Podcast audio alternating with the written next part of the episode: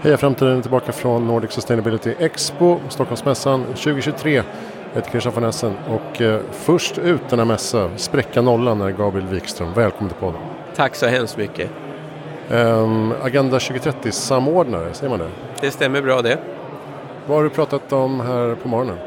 Jag har pratat om eh, eh, det mervärde som finns med att jobba med Agenda 2030. Trots alla andra initiativ som finns på hållbarhetsområdet, både nationellt, EU och globalt, så är agendan det verktyg vi har för att knyta samman dessa och eh, som också på ett tydligt sätt visar hur eh, den sociala hållbarheten hänger ihop med ekonomisk och miljömässig hållbarhet.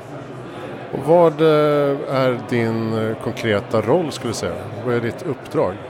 Jag är utsedd av regeringen eh, för en period om fyra år, så jag utsågs 2020 och har en mandat fram till nästa år. Och det handlar om att få ihop samhällets olika aktörer som behöver finnas med för att arbeta med Agenda 2030 så att arbetet, processen att implementera agendan går snabbare.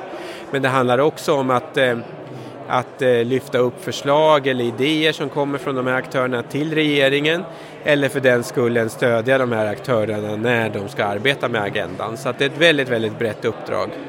Hur kan det se ut i praktiken och vad är det för typ av eh, branscher eller sektorer ni försöker samordna? Ja, det är ju alla. Men vi har valt att, jag och mitt kansli har valt att inte fokusera på vart och ett av målen utan snarare vad, vad det är för faktorer som driver omställningen till hållbar utveckling. Så ett exempel är att vi har jobbat med eh, eh Eh, Stockholm Environment Institute som har ett verktyg som heter SDG Synergies och som handlar om att identifiera hur få mål man behöver arbeta med för att nå så många som möjligt. Och det har vi testat i sex stycken kommuner med väldigt goda resultat. Så förhoppningen, det är ett sätt att liksom visa hur man kan styra och leda på ett annat sätt i kommuner. Ett annat arbete vi har jobbat med det är något vi kallar för nollvision avfall och det är eh, syftar till hur vi kan få en mer hållbar konsumtion och produktion. Och istället för att bara titta på cirkularitet eller fokusera på produkterna så fokuserar vi på slutsumman, det vill säga avfallet och tänker oss hur ska man kunna hantera hela produktions och konsumtionskedjan på ett bättre sätt så att man, det avfall som väl blir över inte skada människor, natur eller, eller, eller djur. Och eh, själva eh, konceptet har vi snott ifrån nollvisionen i trafiken som ju har haft väldigt fina resultat. Så vi jobbar på lite olika sätt och försöker liksom utmana nuvarande system kan man säga.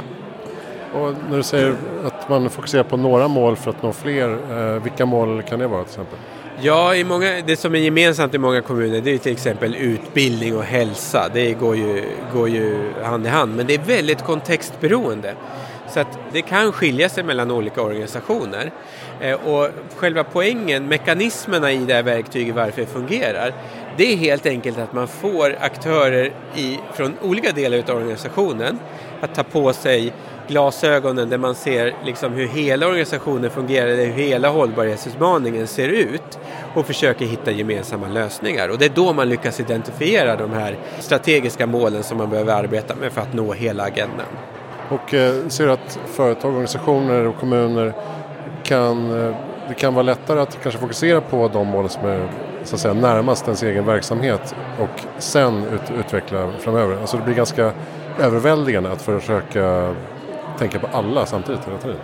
Ja, det är ju så många organisationer gör när de närmar sig agendan. Jag tycker inte att det är fel för att det är låga trösklar för att liksom börja jobba med hållbarhet. Men vad den här typen av verktyg som SDI Synergis eh, hjälper till med det är ju att slå hål på de eventuella fördomarna man har. Men ett företag som jobbar med, eh, med hälsa till exempel i någon form kanske tycker att ja, okej, då jobbar vi bara med mål 3 som har med hälsa att göra. Men gör de en sån här ordentlig analys av sin verksamhet så upptäcker de att vi borde egentligen förutom mål 3 jobba med ett antal andra mål också. Så att eh, man får inte vara fördomsfull i det här arbetet utan man måste göra de här ordentliga analyserna om vilken potential ens egen verksamhet har att åstadkomma förändring. För att jag tror att de flesta organisationer har en mycket, mycket större potential än vad man tror. Jag har ju pratat med Jakob Trollbäck också som var med och tog fram det här eh, visuella ramverket vad skulle du säga, vad har det betytt för eh, omställningsprocessen att ha de här konkreta, tydliga målen och ramarna och bilderna och färgerna? Har det bara varit eh, till godo? Ja, det skulle jag vilja säga. Om man har sett grunddokumentet Agenda 2030 från FN så är ju det det tråkigaste dokument man kan titta på.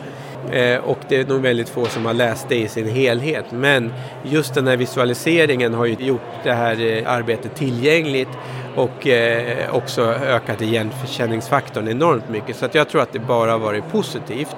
Sen så finns det ett, eh, det som är både bra och dåligt med agendan i sig själv, det är ju eh, de olika målen. För att de skapar låga trösklar in, men de riskerar också att man bryter isär hållbarhetsarbetet i 17 delar istället för som det är tänkt, se hur allting hänger samman. Och eh, som jag också frågade Jakob, vad, vad händer efter 2030? Kommer en Agenda 2040, 2050 och så vidare? Ja, det där återstår väl att se, men eh, tyvärr så framstår ju just eh, åren runt 2015 när agendan antogs som ganska speciella globalt. Man hade unika, unikt bra förutsättningar att anta den ganska radikala och progressiva agendan som man gjorde. Och eh, just nu så ser ju inte förutsättningarna lika goda för att eh, inte överdriva. Eh, eh, så att jag tror att det som ligger i tangentens riktning är att man förlänger nuvarande agenda på något sätt. Eh, och det är väl naturligt också för att man har inte nått målen. Det har kommit en pandemi och nu ett krig i vägen. Man kanske inte ska skruva så mycket på målen utan fokusera mer på huret. Ja precis, och inte säga att ja, nej, vi lyckades inte. Nu är det 2030, vi lyckades inte, nu är allt skit. Nej, för jag menar, eh, vad ska man hitta på istället? Det, alltså agendans mål beskriver ju den, de utmaningar vi står inför. De kommer vara de samma 2030 också. Och eh, det var någon som sa att man ska nog snarare se de här målen som strävansmål eller som komplement till de mänskliga rättigheterna snarare än några mål man ska uppfylla en gång för alla. Ja, precis. Det, uppgiften är densamma. Ja, och jag menar, det, alltså vi, vi, säger ju inte att vi ska ställa om till hållbarhet utan vi säger att vi ska ställa om till hållbar utveckling. Det betyder att framtiden kommer fortsätta vara dynamisk, inte fast och fix. Men den kommer att vara dynamisk på ett mer hållbart sätt. Och vad, hur ser ditt arbete ut nu eh, fram till vad sa du, 2024?